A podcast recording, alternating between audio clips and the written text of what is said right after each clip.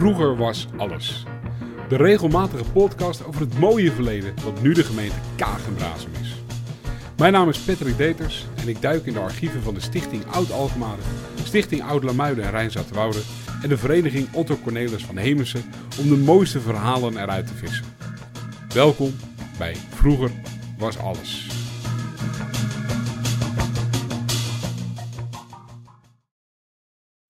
Vorig jaar nam Marina van der Velde afscheid als eerste kroonbenoemde burgemeester van de gemeente Kagen-Brasem.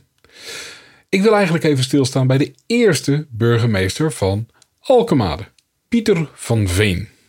Het verhaal van Pieter begint in 1741, waar hij geboren wordt in een groot gezin. Het is een, een, huwelijk waar negen kinderen uit voortkomen. En hij is helaas al de derde Pieter. Waarschijnlijk is Pieter opgeleid tot klerk. Uh, tenminste, dat is niet heel erg duidelijk over hoe zijn jeugd in elkaar zat. Maar dat kunnen we een beetje optekenen op zijn latere loopbaan. En als hij een klerkopleiding gevolgd heeft, heeft hij dat ongetwijfeld vanuit Aarlanderveen gedaan in of Alphen of in Leiden. De eerste koppeling met Alkmaar te zien was Pieter gaat trouwen. Hij trouwt met de weduwe Antje van Aken op 22 april 1781. En ze worden ingeschreven in de Neder-Duitse gereformeerde kerk. Het huwelijk tussen Pieter en Aantje was geen vruchtbaar huwelijk en Aantje zelf stierf vijf jaar later alweer. Maar 1781 is wel een bijzonder jaar, want hij, wordt, hij trouwt niet alleen in dat jaar, maar hij wordt ook benoemd als klerk ter secretarie van het ambacht Alkemade en Vrijenhoek, waar hij diende onder Albertus en Ricus Engelbert van Bachem, die een jaar eerder tot secretaris van Alkemade was benoemd. En Pieter is de eerste gezworen klerk en dat is wel interessant, want met die aanstelling kan hij ook actes ondertekenen onder eigen naam. Kijk, misschien hier moet ik even een uitstapje maken. Ik heb het al eerder over heerlijkheden gehad in de podcast. En we hebben het nu ineens over het ambacht Alkmaar. Ja, hoe zit dat in elkaar? Nou, je had vroeger eigenlijk twee soorten heerlijkheden: hoge en lage heerlijkheden. En iedere heerlijkheid mocht een bepaalde manier van rechtspraak doen. Een hoge heerlijkheid mocht ook halszaken uitspreken, waarbij bijvoorbeeld de doodstraf werd opgelegd. En dan had je die lagere heerlijkheden en die mochten middelbare en lagere rechtspraak doen. Middelbare rechtspraak waren eigenlijk alle ja, criminele en civiele rechtspraak. En lagere rechtspraak, dat was eigenlijk notariële taken, zoals opstellen van testamenten, afhandelen van erfenissen en opstellen van verkoopactes.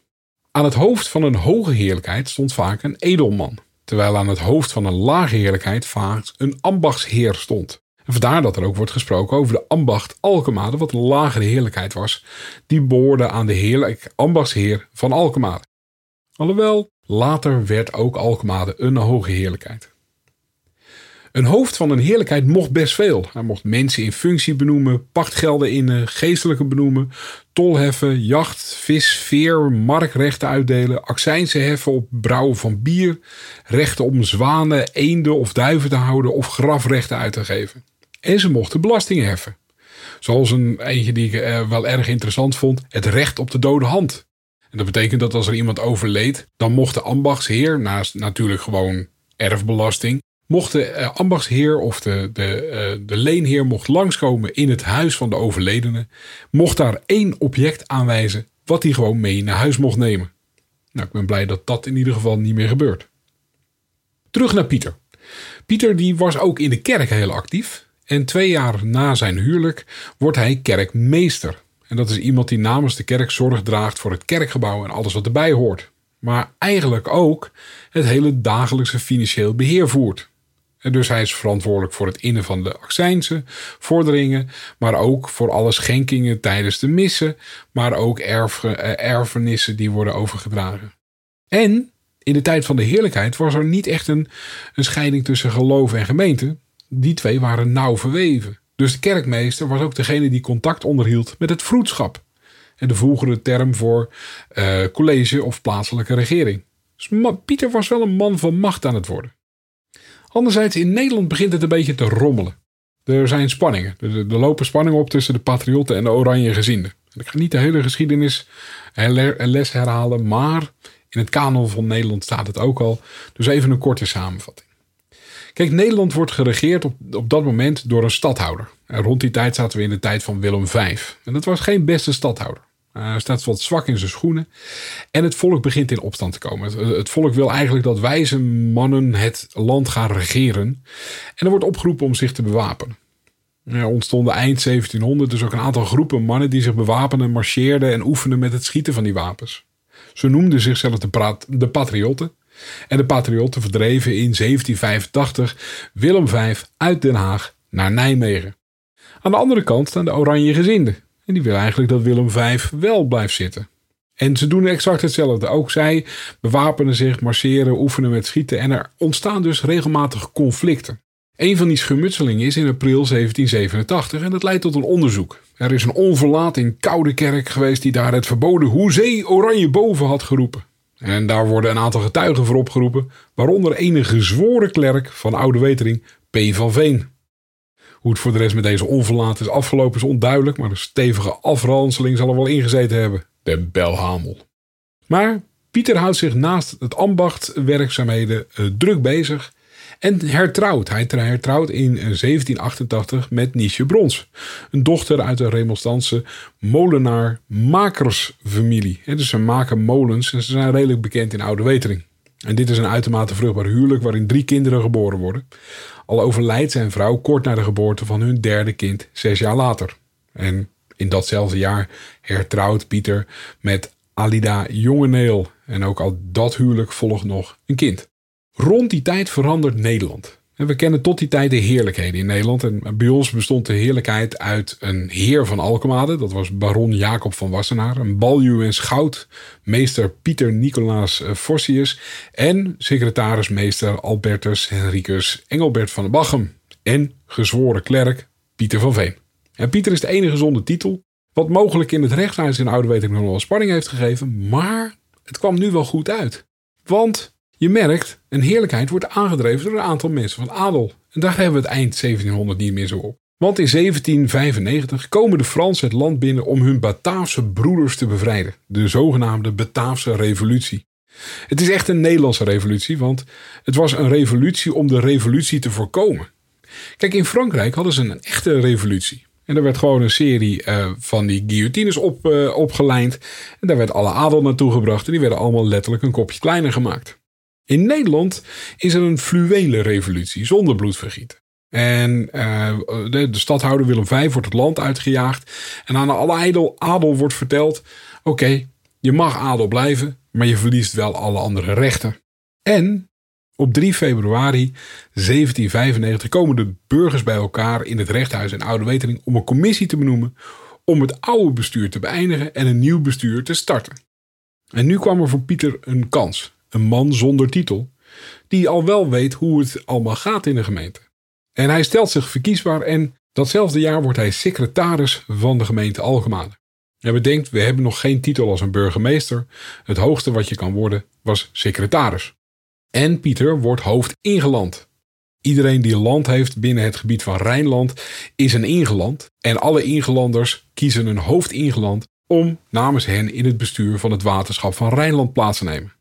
Dus Pieter is en secretaris en hoofd ingeland. En het gaat nog verder. Want die Bataafse uh, Republiek die wil op een gegeven moment ook een nieuw bestuur inrichten. Er komen grondvergaderingen. Die keuzes maken in de Republiek. En in Alkmaar kwam er een bureau van correspondentie. Ja, en voor dat bureau hadden ze een president nodig. En je raadt het al, dat wordt Pieter van Veen. En in al zijn correspondentie met andere grondvergaderingen ondertekende hij altijd met uw heilwensende medeburger P. van Veen. Een beetje 18e eeuwse at your service. En hij valt op, want in 1799 neemt hij plaats in de Eerste Kamer namens het district Amstelveen waar Alkemade onder viel. Fulltime functie, veel vergaderingen. En dat doet hij twee jaar lang. En daarna komt hij terug en dan wordt hij weer secretaris in Alkemade. En hij wordt ook gelijk gaarder der landsmiddelen. Dat is een hele mooie naam voor een belastinginner. In 1803 verzoekt hij het bestuur van Holland om aangesteld te worden als notaris in Alkmaar. En hij wordt dat. En in 1811 wordt hij ook nog notaris in Rijnzaterwoude. En hij is een veelgevraagde notaris. Eh, we zien zijn handtekeningen eigenlijk overal eh, wel opduiken. En we, we zien dat zijn zoon, Jacobus, vernoemd naar zijn opa, heel veel wordt ingezet als getuige te zijn bij het tekenen van actes. En hij verhuist naar het centrum van Alkmaar en komt te wonen op Oude Wetering 34.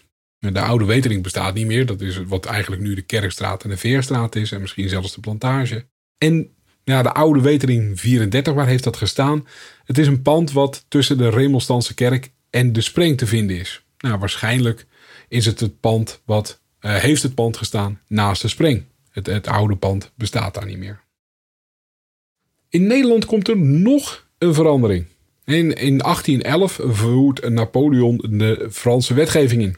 Pieter wordt automatisch keizerlijk notaris. Maar hij ziet zijn kant, kans om hoger op te komen, samen met zijn zoon Jacobus. Pieter wordt namelijk zelf maire, burgemeester in het Frans, van Alkmaar. En hij begint met de autoriteit in Leiden in het Frans te corresponderen. En hij geeft aan dat zijn zoon, die voor de gelegenheid ineens Jacques heet, in plaats van Jacobus, mogelijk wel geschikt is om hem te assisteren. En Jacobus wordt inderdaad adjoint maire, een soort van loco-burgemeester. Maar in 1813 verliest Napoleon bij Leipzig en langzaam beginnen in Nederland de oranje vlaggen op kerktorens te verschijnen. Pieter knijpt hem een beetje en op 18 november 1813 schrijft hij in zijn dagrapport dat hij schippers oranje had zien dragen in Oude Wetering, maar dat er nog geen oranje vlaggen worden geplaatst in de kerktorens. Er komt een brief uit Leiden met de vraag of er ook onrusten waren in Alkmaar. En in het Frans en ondertekend met zijn officiële titel van maire schrijft hij dat alles oké is.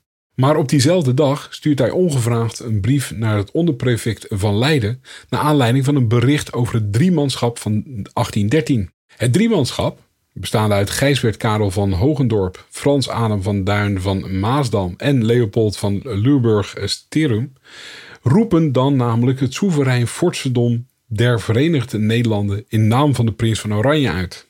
En hij vraagt in die brief, die hij toevallig in het Nederlands stuurt, vraagt hij of hij iets kan betekenen. En opvallend is dat hij ook vergeet om zijn Franse titel van maire daarbij te zetten. De veranderingen gaan door en Pieter wordt van maire ineens president van de gemeente Alkmaar. Kijk, en dan gebeurt er nog iets, want de Fransen zijn allemaal vertrokken. En we hebben geen nationaal leger meer. Dus we moeten een nieuw leger opbouwen. En dat betekent dat er aan alle presidenten wordt gevraagd een lijst met mensen, materieel en voedsel op te stellen. Wat Pieter natuurlijk ook gelijk doet. Sterker nog, vanuit onze gemeente komen er vier compagnies. En vanuit uh, Rijnzaterwoude komt er één compagnie. En hij heeft ook nog gelijk wat baantjes ingevuld. Want zijn zoon Jacobus wordt kapitein van het eerste compagnie. En schoonzoon Arie van Grieken wordt eerste luitenant. En uiteindelijk zijn er dus vier compagnieën uit Alkmaar, eentje uit Rijnzaterwoude, die allemaal vallen onder het bevel van Franciscus van Breggen. En tezamen vormen zij het vierde bataljon. En dat bataljon valt onder aanvoering van president Pieter van Veen.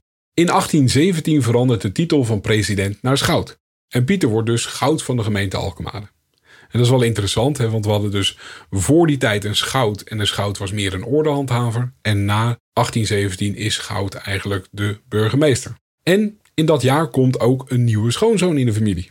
Die zit nog zonder werk, dus Pieter stelt hem gelijk aan als sluiswachter van Oude Wetering. En Pieter begint toch te verlangen naar meer erkenning.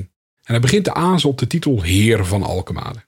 Want ondanks dat de heerlijkheden niet meer bestonden, bestond de titel Heer nog wel. En uiteindelijk koopt de man eh, in, in 1825 eh, de titel Heer van Alkmaar. Een titel zonder inkomsten, maar waar hij nog twee jaar lang van weet te genieten voordat hij overlijdt. Zijn nabestaanden verkopen de titel dan weer door en de laatste heer van Alkmaar was jonkheer Jacobus Eduard de Meij en die stierf in 1849.